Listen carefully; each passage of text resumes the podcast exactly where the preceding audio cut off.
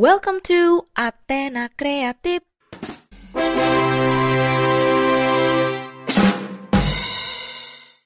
Hai, senang banget bisa menyapa kalian semua yang lagi dengerin podcast ini. Kali ini akan ada satu bintang tamu yang nemenin aku di segmen Ngobrol, Ngobrol Santuy. Kali ini kita bakalan ngomongin semua hal yang kaitannya sama learning loss, motivation, or something yang kaitannya relate banget nih sama peserta didik atau tenaga pendidik. Halo Kak Nitya, selamat malam. Halo Sania, selamat malam. Gimana kabarnya hari ini? Kabarku baik Kak dan luar, Luar biasa, biasa. yang Kak bilang tadi. Kalau Kakak Iya. gimana? Iya sama, luar biasa baik karena mau ngobrol nih. Dan topiknya juga ini topik yang hangat kayaknya ya. Lagi Iya, betul, banget betul. nih. Relate banget nih sama pendidikan-pendidikan murid-murid kayak gitu Kak untuk hari ini. Betul, betul. Dan banyak hal yang bisa kita obrolin bentar lagi nih kayaknya nih. Mm-mm, Kita akan membicarakan suatu hal yang bakalan relate sama motivasi atau sama hal-hal yang terjadi di sekitar kita, khususnya bagi Oke. para siswa yang rasa kayak gimana kayak gitu Mhm. sama pembelajarannya Oke. ini. Tapi sebelum Oke. itu kan Tania mau mau tahu nih untuk saat ini kakak sibuknya ngapain aja nih? Eh, kesibukan saat ini ngajar tentunya di salah satu SD di. Tabanan Bali, kemudian eh, ngajar untuk program kampus Merdeka juga. Asik. Mm, kayak buat yang mahasiswa semester akhir gitu, mereka ada program eh, sinkronisasi KRS gitu lah ya istilahnya ya. Kita ngajar di situ. Terus ya paling nggak itu aja dan masih nyusun juga disertasi karena masih jadi mahasiswa juga sebenarnya. Wah, memang mantap sekali Kak Nitya ini time manajemennya. Mudah-mudahan selalu bisa seimbang. Iya, langsung kare kak. Kita harus semangat pokoknya. Jangan lupa jaga kondisi Betul. juga ya kak.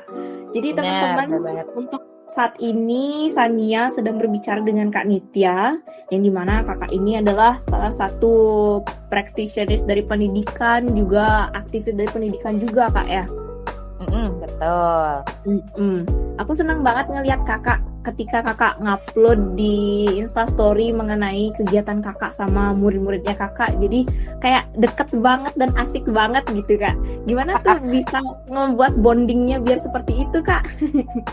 Jadi itu sebenarnya adalah kegiatan-kegiatan random yang ada di kelas gitu kan. Cuman kepikiran aja biar oh ini biar jadi kenangan lah kalau misalnya ntar mereka udah tamat ada rekamannya, ada yang bisa di play lagi.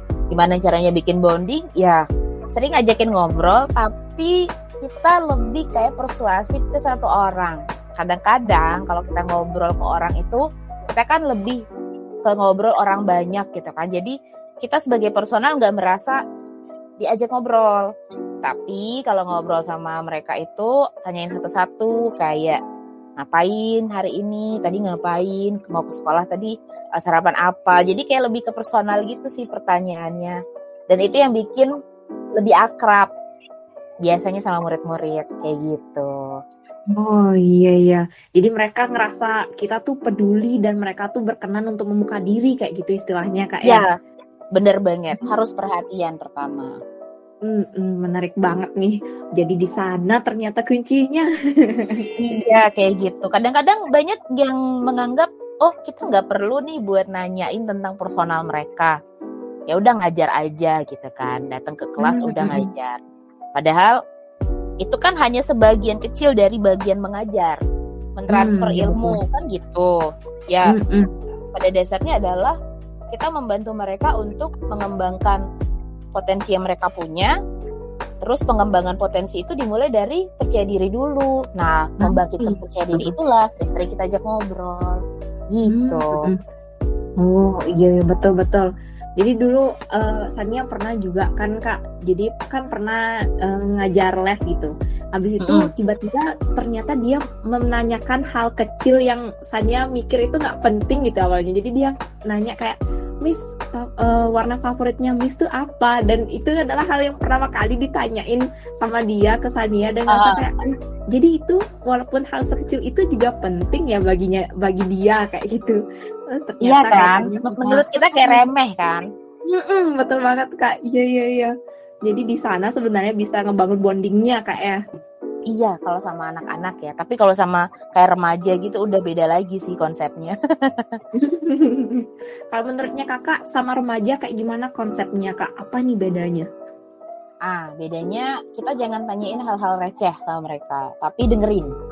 Mereka hmm. itu perlu uh, orang yang bisa mendengar, karena mereka mayoritas akan lebih banyak curhat, curhat tentang kehidupan hmm. mereka, peralihan dari masa anak-anak ke remaja, kayak gitu.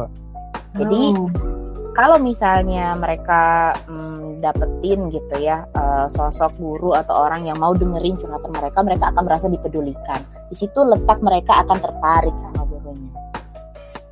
Oh iya iya.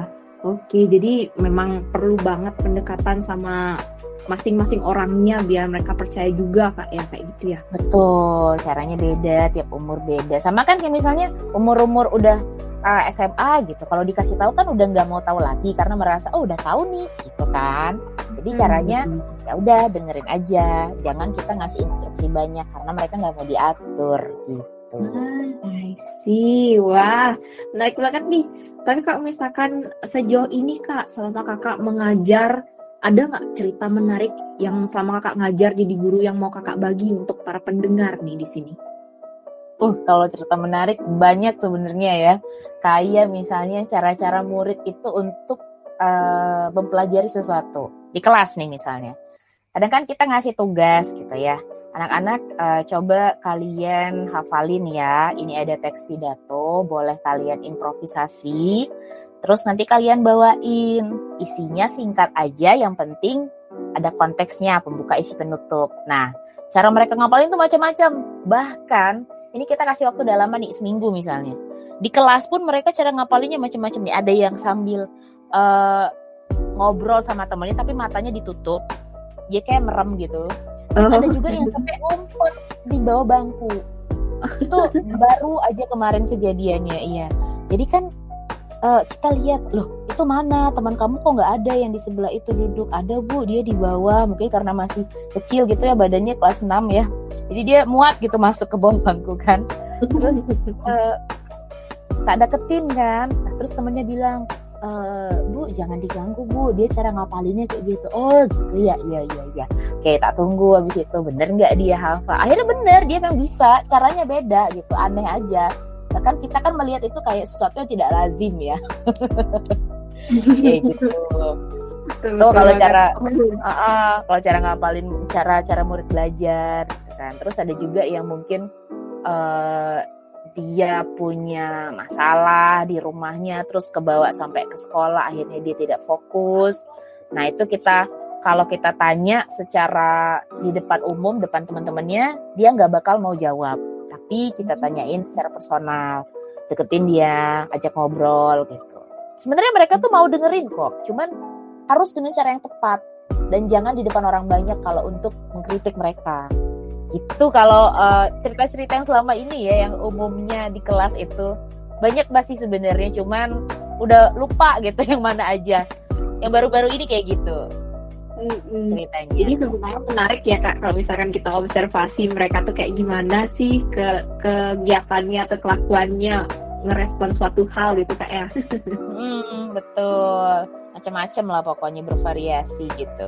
Mm-hmm tapi kalau misalkan sejauh ini kan kita dari kecil sampai besar tuh kan uh, lebih banyak di sekolah nih kak jadi otomatis hmm. waktu kecil pasti ngelihat guru tuh salah satu jadi role model terus kalau anak yeah. kecil ditanya cita-citanya banyak juga yang jawab kalau mereka tuh pengen jadi guru nih kak terus hmm. saat ini aku tertarik nih untuk bertanya sama kakak juga kenapa kakak memilih untuk menjadi guru dan apa sih artinya guru dari sudut pandangnya kak Nityani? Kenapa gitu ya? Sebenarnya tidak pernah bercita-cita menjadi guru.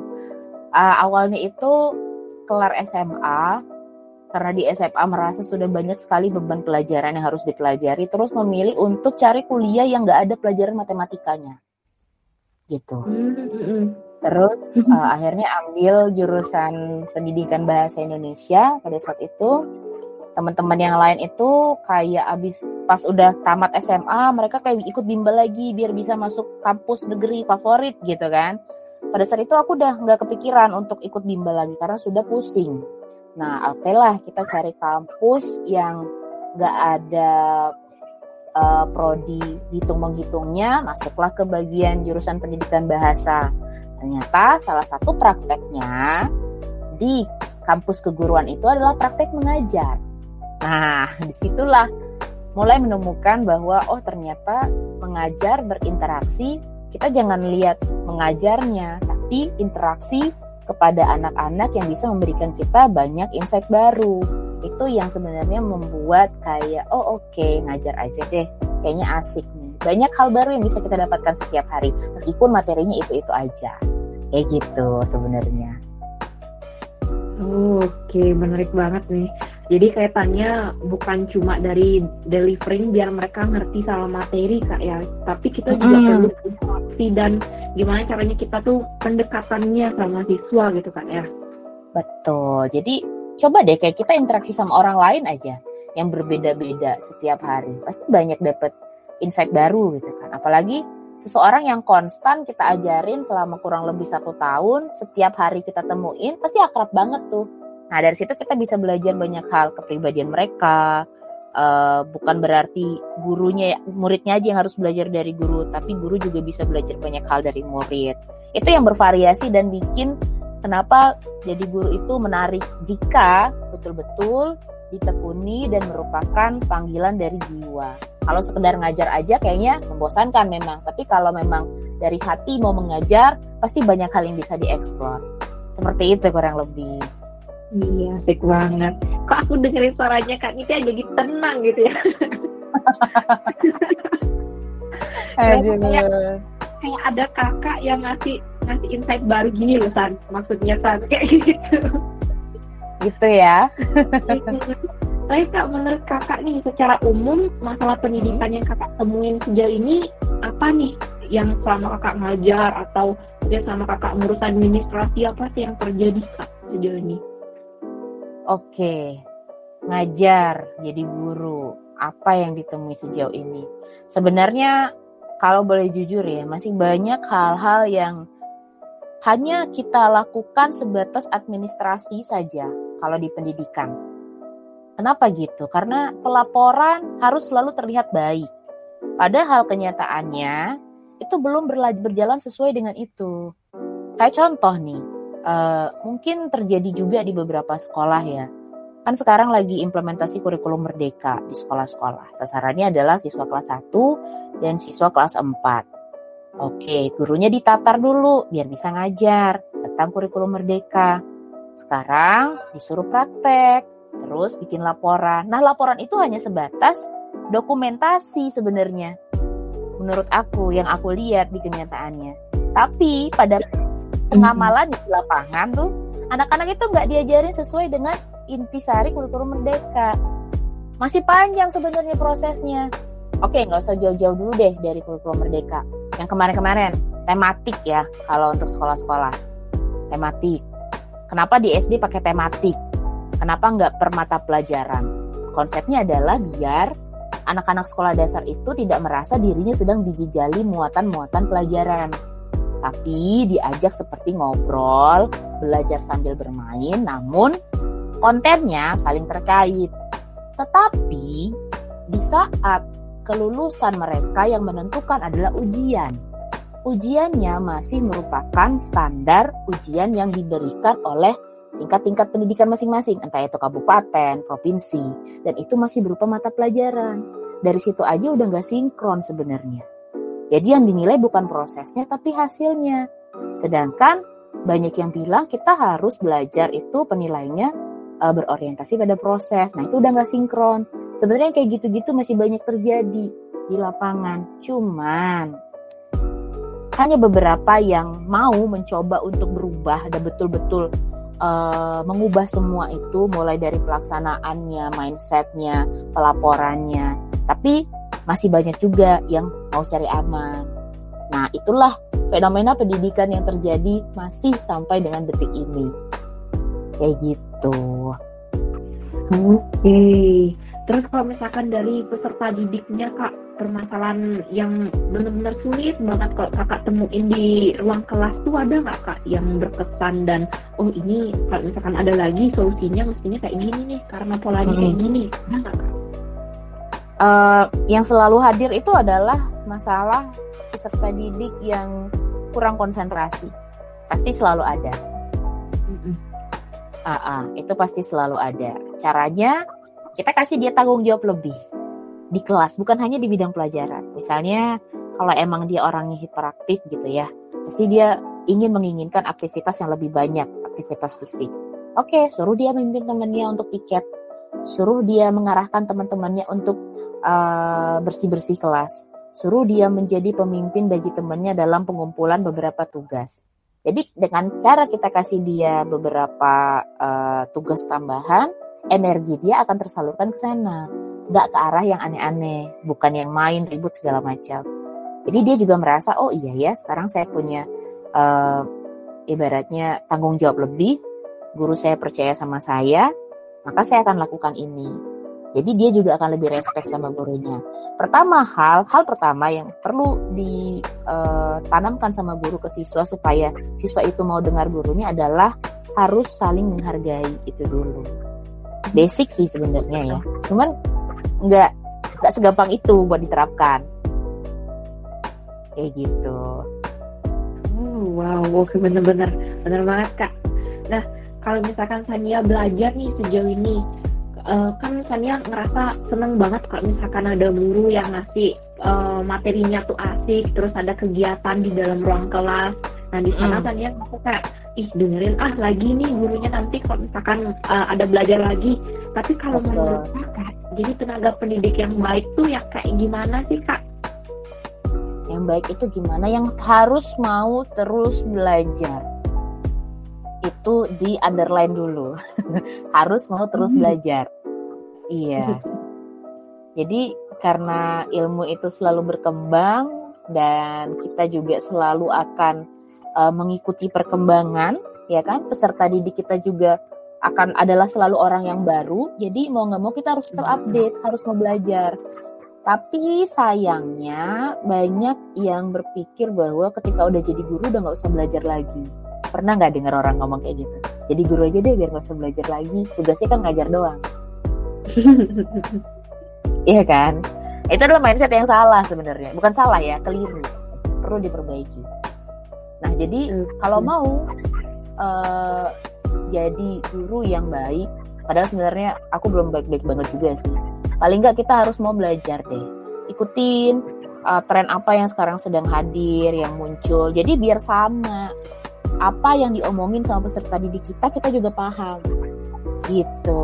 Dari situlah hmm. mereka akan menemukan adanya koneksi mereka akan menemukan adanya chemistry. Oh iya ya, guru saya juga tahu tentang itu. Nyambung nih kayak gitu. Iya, iya betul betul kak. Jadi ngerasa nyaman gitu. Oh dia juga update gitu sama isu-isu terkini. Jadi relate juga Bener. istilahnya. betul. betul. Misalnya kayak anak-anak SD sekarang nih kan mereka pada hits sama TikTok gitu kan.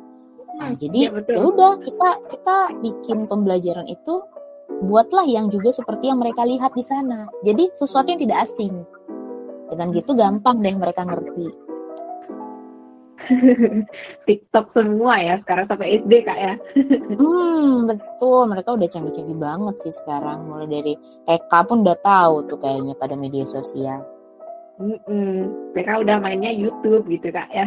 nah, terus nih, nih nyambung nih kayaknya nih Sania sama pertanyaannya tadi cita-cita gitu kan. Kalau tanya anak SD zaman sekarang, cita-cita jadi apa? Satu youtuber, mereka bilang. Oh iya betul. iya, padahal oh, kalau kita ditanya dulu youtuber apa gitu kan. Mereka taunya youtuber. Terus uh, youtuber apa? Ditanya lagi. Oh youtuber ini bu, yang kalau main dia rekam dirinya terus itu diposting banyak yang nonton banyak dapat duit bu oh gitu ya banyak banget yang mereka tahu saya pengen jadi ini bu uh, seseorang yang membela orang yang salah apa yang namanya sering tampil di TV itu gitu Oh itu namanya pengacara bukan bu namanya lawyer. Wis keren mereka udah tahu lebih istilah asingnya bahkan mereka tahu gitu kan. Jadi uh, kalau misalnya kita nggak juga ikut update tentang itu, oh kita ketinggalan banget. Mereka merasa nggak akan nyambung ngobrol sama gurunya. Hmm, iya, iya betul. Jadi enggan mereka kak ya. Mm-mm, segan. Jadi kayak ih nggak asik nih kayak gitu. betul betul betul. Oke. Terus kayak tanya nih kak sama pandemi. Waktu Mm-mm. kita pandemi kan eh, kita tuh belajar online dan ngerasa kayak belajar di rumah tuh sometimes eh, nggak begitu produktif gitu. Nah, Iya. waktu tahun 2021 mulailah nih ada yang istilahnya learning loss yang di mana dibilangnya menurun tuh performa pendidikannya. Kalau Mm-mm. misalkan menurutnya kakak nih dalam learning loss in general kayak gimana pendapatnya kakak mengenai, mengenai kemunduran proses akademik yang di mana meliputi pengetahuan dan keterampilan akibat faktor tertentu yang di mana di sini spesifiknya karena pandemi gitu kak. Mm-mm. Oke, learning loss ya. Learning loss itu sebenarnya adalah sebuah uh, gap yang terjadi ketika siswa itu mempelajari sebuah hal baru, tetapi dia tidak punya pengetahuan awal terhadap ilmu yang sedang dia pelajari. Uh, kenapa itu terjadi? Karena di awal sebelum pandemi itu terjadi, mereka kan sudah belajar nih, tapi nggak kelar pelajarannya mereka itu. Nah, kemudian masuk ke masa belajar dari rumah, BDR, mereka dikasih materi sama gurunya dengan cara eh, asinkronus, ya kan? Jadi belajarnya mungkin lewat WA bagi yang tidak terjangkau dengan platform seperti Zoom dan Google Meet atau dikasih tugas tapi tidak dijelaskan cara mengerjakan tugasnya. Sehingga yang seharusnya berlanjut kemampuan mereka itu sejak awal mereka mempelajari materi tersebut nggak selesai gantung tapi dituntut agar bisa menyelesaikan. Nah di situlah terjadi gap. Harusnya tidak seperti itu prosesnya tapi malah dipaksa. Sehingga kemampuan yang menurun saat learning loss itu terjadi lebih kepada kemampuan memahami sebuah informasi itu kita sebut dengan uh, keterampilan literasi dan kemampuan numerasi. Jadi kemampuan memahami arti simbol-simbol. Itu yang sangat menurun. Bahkan kalau kita lihat dari hasil riset dari salah satu lembaga riset Semeru itu hampir lebih dari 50% itu ada penurunan. Terutama bagi siswa kelas 1 kelas 2 Padahal siswa kelas 1 kelas 2 itu adalah yang harusnya mereka dapat pengetahuan yang mendasar tentang keterampilan Hmm. yang akan mereka gunakan di SD. Jadi yang paling menonjol itu bagian literasi numerasi yang mengalami kehilangan atau kesenjangan pengetahuan. Kenapa itu terjadi? Karena anak-anak dijejali banyak informasi, tapi tidak dipandu bagaimana caranya menyerap informasi dan bagaimana mereka mengolah informasi itu. Itu sebenarnya faktor penyebabnya karena tidak ada bimbingan secara intensif dan yang paling penting anak-anak itu adalah kalau dia belajar lebih bagus belajarnya ada interaksi secara langsung bukan lewat media. Kayak gitu Hmm, kurang betul. lebih. Wah ini aku dapat insight yang rasanya kayak hal rumit sekarang udah jadi simplified gitu kak Nica ngejelasin tadi wih keren kak keren. Mudah-mudahan bisa dimengerti ya. bisa kak sangat jelas Oke, syukurlah. kalau misalkan eh, kaitannya sama learning loss di teman-temanku nih di angkatanku kan untuk saat, saat sekarang ini udah sebutannya remaja kak ya dan Mm-mm. merasa kalau misalkan mereka itu eh, nilainya turun mereka pasti ber- berpengaruh sama motivasi belajarnya mereka Iya, menurutnya benar. kakak ada nggak eh, tips yang bisa kami laksanakan atau eh, ada sharingan cerita nggak kak biar kami bisa kembali menata motivasi sehingga bisa kembali on track untuk belajar dan eh, balik lagi semangat kayak gitu istilahnya kak. Mm-mm, Oke. Eh, kalau untuk mahasiswa remaja ya, remaja dewasa berarti. Eh, karena keseringan di rumah aja jadi merasa mager dan terlalu nyaman untuk melakukan sesuatu tanpa adanya persiapan.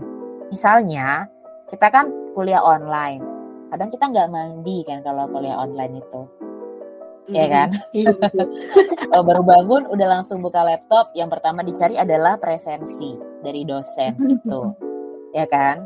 Padahal kita kalau belajarnya offline ke kampus pasti kita prepare diri dong mandi dan dan wangi. Itu bikin kita semangat. Itu bikin moodnya jadi naik.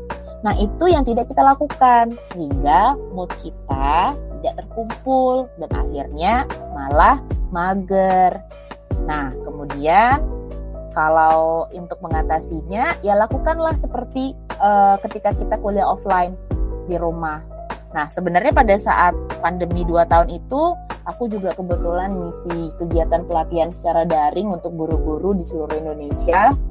Uh, yang dilakukan supaya tetap bersemangat harus prepare.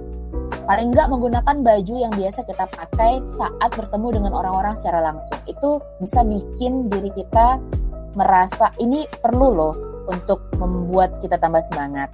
Paling nggak untuk diri sendiri. Yang kedua pakai parfum biar wangi. Jadi kalau kita wangi ngerasa moodnya lebih bagus gitu. Kemudian uh, kalau udah balik lagi ke kuliah offline tapi masih belum menemukan rasa semangat untuk memulai belajar, sering-sering kunjungin kampusnya. Karena suasana atau vibes di lingkungan kampus itu sangat berpengaruh terhadap pola pikir kita. Kalau kita ngeliat orang belajar, kita akan pengen ikut belajar. Tapi kalau kita main ya ke tempat yang kayak mungkin mall kayak gitu, orangnya tipikalnya yang uh, senang-senang jalan-jalan, ya udah kita juga ke bawah main kita ke sana. Atau paling enggak cari tempat kayak coffee shop yang banyak orang kerja. Jadi vibes-nya adalah vibes orang-orang yang mengejar target atau deadline. Dengan cara gitu, kita akan terbawa juga. Oh iya bener, ada sesuatu yang belum saya kerjakan harus segera saya tuntaskan karena terbawa oleh lingkungan. Lingkungan itu faktor yang sangat mendukung loh untuk kita berpikir dan melakukan sesuatu dengan tepat selesai. Kayak gitu sih kira-kira. Oh iya iya betul betul. Berarti istilahnya harus ada yang nge-trigger kita gitu kak ya. Kalau ada mm -hmm. api semangatnya mati harus di dipercikan api sama sekitar kayak itu saya kayak. Betul. Atau gini Sania kalau misalnya agak sulit untuk dengan opsi yang tadi, uh, aku sering kayak gini nonton film Korea. Kenapa? Karena vibes-nya itu kan kayak vibes-nya tuh vibes kantoran yang elegan. Jadi oh iya ya, pengen nih kayak gitu gimana caranya oh iya selesai ini ayo oh kantoran kerja berarti kita bikin tugas laporan kerjain depan laptop itu kalau cara aku ya, kalau lihat gitu. Terus cari-cari video-video inspirasi di YouTube yang bikin kita jadi tambah semangat. Gitu. Itu juga bisa ngebantu kok. Tapi cara orang kan beda-beda ya. Kalau emang cocok, boleh dicoba. Iya betul betul. Oke mungkin ini bisa jadi suatu inspirasi buat teman-teman yang ngedengerin. Kalau misalkan teman-teman ada yang ngerasa patah semangat untuk uh, nyari ide gimana sih hmm. mempercepat motivasi lagi mungkin bisa bisa dilakuin yang Kak Nitya bilang sebelumnya gitu Kak ya. Iya, okay. siapa cocok kan ya. Ah, kayak beli baju kayak cocok kayak cocok. iya benar. Oke. Okay. Nah, tadi kan udah ngomongin motivasi nih di kalangan remaja Kak menghadapi learning loss-nya. Kalau misalkan menurutnya kakak untuk anak-anak yang kakak ajar ketika kakak uh, ketika learning loss itu terjadi apa apa hal yang kelihatan banget di anak-anak usia umur uh, di usia kelas 1 sampai 6 itu kelihatannya gimana ya bilangnya kayak gimana mereka tuh bersikap terhadap learning loss yang kakak lihat dampak dari learning loss di di mereka tuh kayak gimana kak? Oke, okay uh, kelihatan banget pada saat ketika kita mengajukan sebuah pertanyaan sederhana, tapi mereka nggak paham. Gitu. Terus kita tanya, alasannya kenapa kamu nggak ngerti? Misalnya gini, contoh sederhana ini, pertanyaan tentang IPS ya. Siapakah pemimpin di tingkat kelurahan? Nah itu kan sebenarnya pertanyaan yang sangat gampang, mm -mm. ya kan? Nah mereka bingung sekali jawabnya. Siapa ya bu? Bupati ya bu? Gitu mereka bilang. Kan mm kalau bupati itu tingkat kabupaten oh uh, gubernur ya bu nah dari situ kita udah bisa lihat nih ternyata ini adalah uh, akibat dari learning loss yang terjadi sama mereka hal-hal sederhana tidak mereka bisa tahu, tidak mereka ketahui gitu. Karena apa? Karena tidak dibimbing untuk mempelajari hal tersebut. Tuntutannya pada saat itu hanyalah menyelesaikan tugas. Mau benar, mau enggak, yang penting dikumpul. Tapi pemahaman mereka tidak diprioritaskan sama gurunya. Nah, itu tanda-tanda. Lalu yang kedua, eh, ketika bertemu dengan mereka masuk kelas gitu, mungkin mereka langsung nyelonong aja. Nah, itu kan salah satu tanda-tanda learning loss juga dari segi perilaku, nilai-nilai karakter mereka yang kurang karena nggak terbiasa masuk kelas offline gitu kan. Terus ya udah kita kasih tahu aja, uh, kalau kamu mau masuk kelas, kamu harus uh, bilang permisi sama orang-orang yang ada di kelas. Karena coba misalnya ada seseorang masuk kamar kamu tapi dia nggak bilang permisi, kamu marah nggak? Kamu tersinggung nggak? Kita tanya dulu itu sama mereka. Mereka pasti akan jawab, iya dong bu, itu kan tempat saya. Ya sama, kalau kamu menuju ke sebuah tempat, meskipun kamu sudah sering berada di situ, katakanlah permisi sebagai bentuk hormat kita terhadap teman-teman sekitar. Gitu. Jadi kita ajarin, tapi harus konsisten. Alias nggak bisa sekali dikasih tahu, mereka udah paham. Jadi yang hilang selain keterampilan tadi literasi dan numerasi untuk anak-anak itu adalah nilai-nilai karakter, sikap-sikap santun kayak gitu-gitu. Itu harus tetap kita ajarin, tetap dikasih tahu. Itu sih yang paling kelihatan banget learning loss dari mereka itu. Betul betul. Berarti learning loss itu poin utamanya bukan cuma dari nilai yang ada di rapot gitu kak ya. Berarti hmm. karakter juga berpengaruh gitu. Terdampak betul. istilahnya. Betul betul banget. Tapi kita juga harus kasih pemahaman sama mereka bahwa kadang mereka mungkin merasa tekanan banget ya untuk belajar banyak hal setelah kembali ke sekolah lagi karena tuntutan hmm. dari orang tuanya gitu. Tapi kalau memang mereka mau dengar, uh, biasanya kita selalu kasih uh, ibaratnya motivasi bahwa belajar itu adalah sebuah proses anak-anak. Jadi proses dari kamu nggak tahu, jadi tahu. Dari kamu belum bisa, jadi bisa. Nah, untuk bisa mencapai kata bisa dan tahu itu pasti ada tahapannya dan tahapan itu harus kamu lalui. Jadi jangan merasa kecil hati kalau misalnya sekali belajar kamu belum bisa tapi temanmu udah bisa. Kemampuannya kamu sama temanmu beda. Kamu harus tetap coba tapi jangan menyerah. Itu harus kita kasih pemahaman sama mereka. Akhirnya mereka paham gitu. Oh iya ya, saya belajar itu nggak mesti bisa-bisa banget. Yang penting saya nggak menyerah untuk mencoba Nah, mereka akhirnya ter, uh, terpatri lah pemahaman seperti itu di pikirannya. Dari situ mereka akan mulai merasa lebih oke, okay, saya coba, jangan menyerah. Jadinya muncul rasa semangat dalam belajar karena nggak mesti patokannya hasil, tapi adalah proses. Kayak gitu. Iya, betul-betul.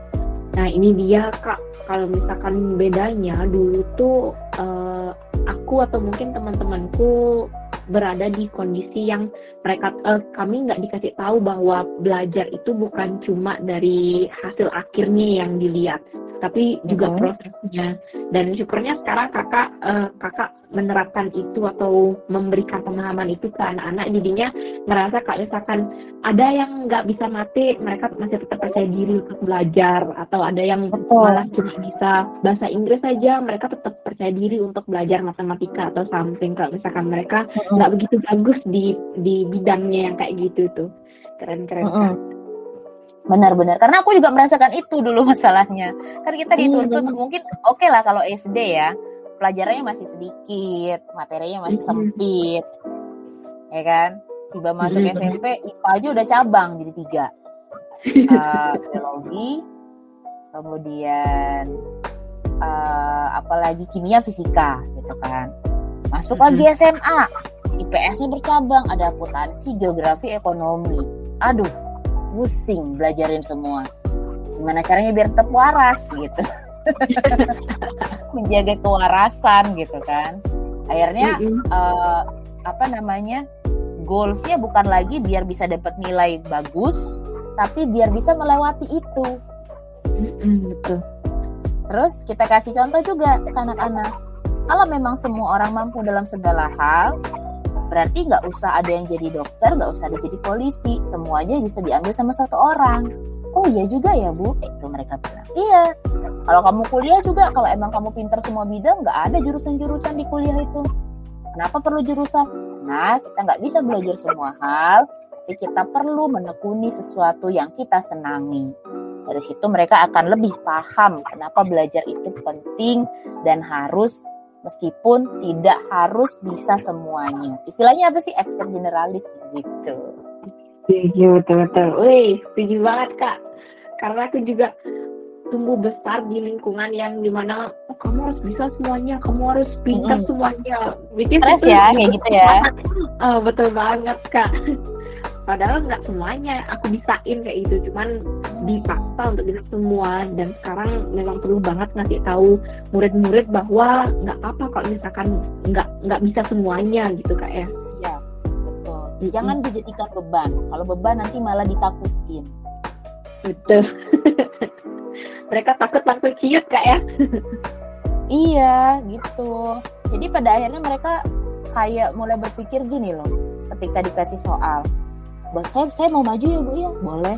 Tapi jawaban saya belum tentu benar bu. Nggak apa-apa. Misalkan kamu udah berani nyoba. Oke akhirnya mereka berlomba-lomba. Karena sebuah tembok yang besar bernama ketakutan itu mereka udah nggak ada lagi. Gitu. Oke. Terus kak ada yang menarik lagi yang pengen Sania tahu? Kan mm -hmm. sejauh ini uh, moodnya sebagai guru tuh nggak selalu stabil kayak happy terus setiap masuk ke dalam kelas itu kayak. Tapi yeah. kalau misalkan ada yang nge-trigger rasa marahnya kakak, gimana tuh? Misalkan muridnya nakal banget, susah banget dibilangin. Gimana caranya kakak ngontrol emosinya kakak dalam ruang kelas kayak gitu kak? Oh gitu, oke. Okay. Uh, justru sebenarnya kita berusaha untuk mencari pengalihan ketika kita merasakan tidak stabil dalam hal emosi itu ke anak-anak karena pasti ada aja celetukan-celetukan dari mereka yang bikin kita kayak tawa gitu, ngerasa geli, ngerasa lucu. Jadi teralihkan uh, yang namanya uh, rasa mungkin galau atau apa gitu, mungkin beban tugasnya banyak, belum kelar atau apa. Jadi caranya ajak mereka ngobrol. Jadi kita kasih pancing dulu. Eh Bu Guru punya cerita nih. Apa Bu? Apa Bu? Kita cerita. Terus dari cerita kita itu kita kasih dikit mereka kita suruh nambahin kamu pernah nggak punya pengalaman kayak gitu? Akhirnya kita dengerin cerita dia. Oh, udah deh. Jadi kita merasa balik lagi stabil lagi konsen lagi ngajarnya. Itu sih cara gampangnya ya. Nggak nggak nggak sampai kayak oh marah-marah banget gitu. Jangan. Nanti mereka takut sama gurunya. Besok besok nggak disenengin lagi ketika masuk kelas. Bahaya. Gitu jadi ya ajak ngobrol, ajak cerita biar energinya bisa tertransfer, energi mereka yang positif masuk ke kita, kita buang yang negatifnya. Seperti itu kurang lebih ceritanya. Asik banget nih dengerin pengalaman langsung dari Kak Nitya. iya, kan apalagi sama guru-guru yang lebih senior lagi sih banyak banget pengalaman mereka itu. Iya, bener-bener. bener. Kakak udah berapa lama Kak jadi guru Kak? Um, belum lama sih dari 2012 sampai 2022 kan? Uh, 10 tahun ya. Wah. Iya. Kak, itu sudah lama, Kak. Karena masih banyak lagi yang lebih lama gitu kalau kita mereka patokan uh, waktu ya. Berarti hmm. memang kakak suka banget di bidangnya ini kak ya? Uh, bisa dikatakan seperti itu. Jadi kalau misalnya ada orang yang bilang pekerjaan kamu apa? Ini bukan dianggap sebagai pekerjaan, tapi profesi. Kenapa bukan pekerjaan? Kalau pekerjaan orientasinya hasil ya, target. Kalau profesi berarti kita harus profesional. Sesuatu yang kita kerjakan dengan hati, dengan passion gitu. Jadi itu di situ letaknya kenapa seneng gitu. Karena kita menganggap itu sebagai sesuatu yang menyenangkan dulu. Benar. Kayak gitu. Tapi secara langsung kalau misalkan ditanya kak, apa sih yang membuat kakak cinta dengan menjadi guru dan sebagai tenaga pendidik gitu kak istilahnya? Uh, karena anak-anak. Karena mereka itu orangnya polos, lugu, dikasih tahu apa mau gitu. Makanya kita harus jadi orang yang uh, cocok untuk ditiru kalau kita mau suruh anak-anak itu mau baca, kita harus mau dulu mencontohkan membaca, bukan hanya sekedar membaca pencitraan, bukan. Ketika kita suruh mereka untuk jadi orang yang uh, menghargai, kita hargai dulu mereka. Mereka pasti akan menghargai bahkan lebih karena mereka itu tipikalnya anak-anak itu polos, lugu, hatinya masih uh, sangat apa ya kita kalau kita bilang hatinya itu sangat uh, penuh dengan rasa cinta kasih, penuh dengan rasa kasih sayang. Jadi kalau kita perlakukan mereka dengan baik, mereka akan merasa menemukan sosok yang mereka idolakan. Seperti tadi Sania bilang, guru itu role modelnya anak-anak. Betul sekali, itu sangat betul. Ya, jadi kita harus bisa menjadi sosok yang baik di mata mereka. Dengan cara itu, mereka merasa menemukan orang yang mereka bisa percaya dan orang yang mereka bisa teladani. Jadi kenapa suka sama uh, mengajar? Karena anak-anaknya lucu-lucu, tidak selalu mereka nurut, tapi di situlah tantangannya. Kayak gitu. Asik. Jadi ada banyak naik turun gitu prosesnya dan itu yang bikin seru kak ya? Iya, kayak gitu. Jadi nggak selalu hmm. proses itu harus yang kita bisa jalani. Kadang tantangan yang bikin kita mendapatkan bahkan lebih banyak pengalaman ya dibandingkan sesuatu yang tidak menantang. Oke, wah ini kita udah udah di sesi terakhir nih kak. Sejauh okay. ini ada yang kakak mau ungkapkan untuk para pendengar mungkin yang uh, yang memiliki cita-cita menjadi guru atau para siswa di luar sana ada nggak yang pengen kakak ungkapkan untuk teman-teman pendengar sini kak? Oke, jadi buat yang lagi dengerin kalau pengen uh, menjadi seorang guru atau pendidik saya sih lebih bilangnya sebagai pendidik ya karena kita memang betul-betul mendidik karakter.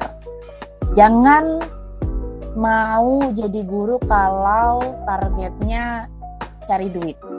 Karena guru itu sejahteranya bukan karena materi tapi karena pahala. Kalau memang ingin menjadi uh, generasi yang bisa mengubah masa depan bangsa, jadilah guru yang betul-betul mendidik murid dari hati. Karena kalau kita menjadi guru di hati murid, kita akan selalu diingat dibanding kita hanya menjadi guru di mata murid. Sekian terlepas dari pandangan murid udah lupa. Tapi kalau kita jadi guru di hati murid, kita nggak ada dicari sampai ke mana pun. Udah tamat dia kita selalu cari dia. Nah, kalau mau jadi guru kayak gitu, uh, dekati murid, ajak dia ngobrol, jangan anggap mereka sebagai orang yang nggak tahu apa-apa, tapi jadikan mereka teman. Maka kalian pasti akan lebih mudah untuk mengajak mereka belajar bersama. Karena pada hakikatnya guru itu bukan sosok yang lebih tahu, tapi sebagai fasilitator murid untuk bisa mengembangkan bakat, minat, dan potensinya agar mereka menjadi lebih bertumbuh lagi. Kayak gitu.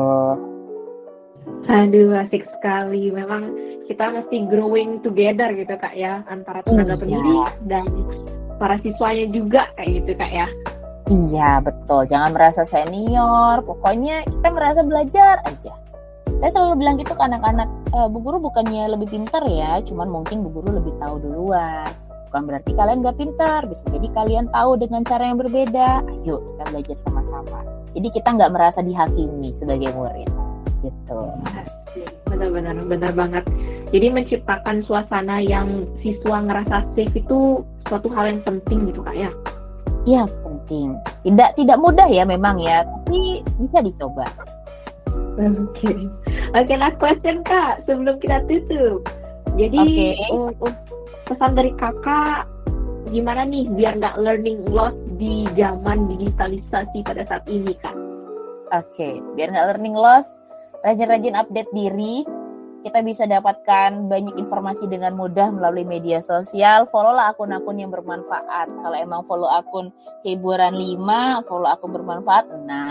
Jadi kita buka medsos, kelihatan yang bisa mengisi otak kita. Terus rajin-rajin baca ya dan harus uh, hilangkan rasa malu untuk bertanya kayak gitu gampang banget tapi tidak selalu mudah untuk dicoba betul betul banget Oke, jadi itu dia teman-teman. Terima kasih banyak Kak, uh, Kak Nitya Lasmi untuk semua insight-nya kali ini. Dan aku merasa kayak tadi tuh yang complicated jadi simplified dari apa yang Kak Kak Nitya tadi bilang sebelumnya mengenai learning loss gitu. Jadi teman-teman Iya betul. jadi teman-teman jadi guru atau tenaga pendidik tuh bukan cuma ngasih materi, tapi gimana caranya kita tuh menciptakan bonding yang aman dan nyaman untuk para siswa sehingga uh, para siswa tuh belajar dan berpikir bahwa kalau misalnya kita nyari ilmu bukan cuma dari hasilnya tapi juga dari prosesnya gitu kan Kak Nitya ya. Iya, betul sekali Sania. Oke, terima kasih untuk obrolan kali ini Kak Nitya dan sampai jumpa untuk teman-teman. Terima kasih sudah mendengarkan. Tetap di Athena Kreatif. Wah, seru banget kan? Kalau menurutnya teman-teman gimana? Athena Kreatif will always give you something new, insightful, and meaningful. Thank you so much for listening and see you in another podcast. Bye!